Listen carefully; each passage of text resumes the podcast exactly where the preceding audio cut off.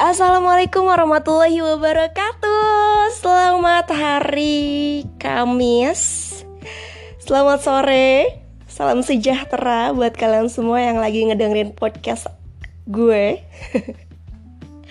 Sore-sore nih enaknya um, ngeteh kali ya. Atau mungkin ngopi sambil ngobrol-ngobrol sama temen misalnya kemudian sambil ngeliatin ataupun nunggu senja nunggu matahari terbenam. Iya yeah.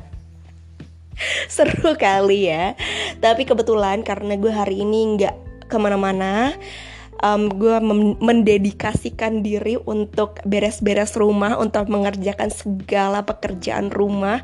Karena memang belakangan ini gue sibuk um, gak sibuk-sibuk banget sih cuman ya emang kayak badan tuh ngerasa capek aja gitu. Jadi uh, akhirnya sekarang punya waktu untuk um, beres-beres rumah rapi-rapi rumah.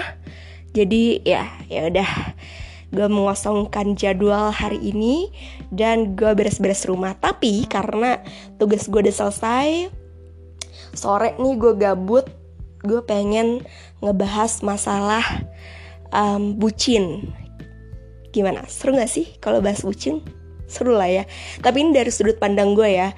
Maksudnya dan ini tidak uh, gue nggak nggak akan maksudnya nggak gue tidak uh, menjudge siapa pun gue nggak maksud untuk nyindir siapa pun. Ini pure sudut pandang gue aja tentang bucin yang emang gue sering banget nih ngedengar kata-kata bucin dari temen-temen gue sendiri gitu. Dan kadang gue pun menjuluki temen gue ini bucin. Tapi sebenarnya gue nggak tahu banget bucin tuh apa sih? Maksudnya gue tahu bucin itu budak cinta gitu kan. Tapi uh, secara harfiah bucin tuh sebenarnya apa sih gue nggak tahu jujur. Karena uh, sebetulnya ada dua versi. Ada dua contoh kasus. Uh, contoh kasus pertama ini yang akan gue sebutin adalah contoh kasus di mana teman-teman gue ini yang dijuluki bucin dengan kebucinannya. Tapi menurut gue contoh kasus yang pertama yang akan gue sebutin ini adalah nggak bucin gitu. Maksudnya dia menurut gue tuh masih sah-sah aja dan belum tergolong bucin. Oke okay, yang pertama. Ini contoh kasus pertama ya. Jadi uh, di lingkungan pertemanan gue ini ada beberapa orang yang disebut bucin. Karena apa? Karena dia ke mana-mana sama pacarnya terus dia ini sering diantar jemput sama pacarnya terus dia um, sering makan sama pacarnya kayak hampir setiap hari sama pacarnya dia pokoknya gitu Kayak rasanya tuh nggak ada satu hari pun tanpa pacarnya. Tapi temen-temen gue yang ini masih yang disebut bucin ini masih bisa meluangkan waktu untuk teman-temannya, jelas untuk keluarganya, untuk Tuhannya, untuk pekerjaannya, untuk sekolahnya. Menurut gue kalau misalnya ada orang yang kayak gini disebut bucin, menurut gue itu nggak bucin karena ya apa salahnya gitu kita menghabiskan waktu dengan pasangan. Paling enggak, setidaknya dia masih punya waktu untuk kegiatan dia yang lain. Jadi ya pacaran sama pacaran, uh, keluarga sama keluarga, teman sama teman gitu kan. Semuanya tuh berjalan. Menurut gue tuh nggak bucin sih, itu masih dalam batas wajar gitu. Nah kemudian contoh kasus yang kedua Nah, kalau yang kedua ini menurut gua, ini menurut gua, ini baru yang dinamakan bucin.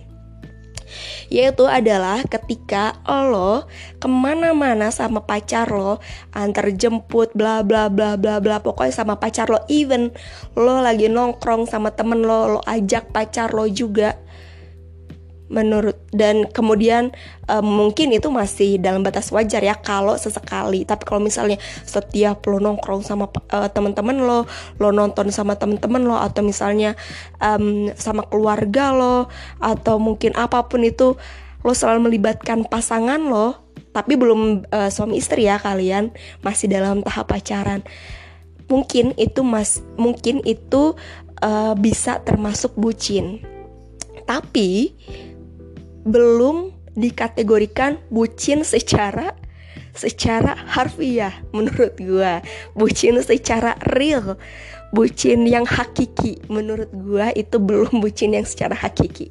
Karena bucin yang secara hakiki menurut gue adalah ketika lo rela untuk melakukan hal bodoh untuk pacar lo.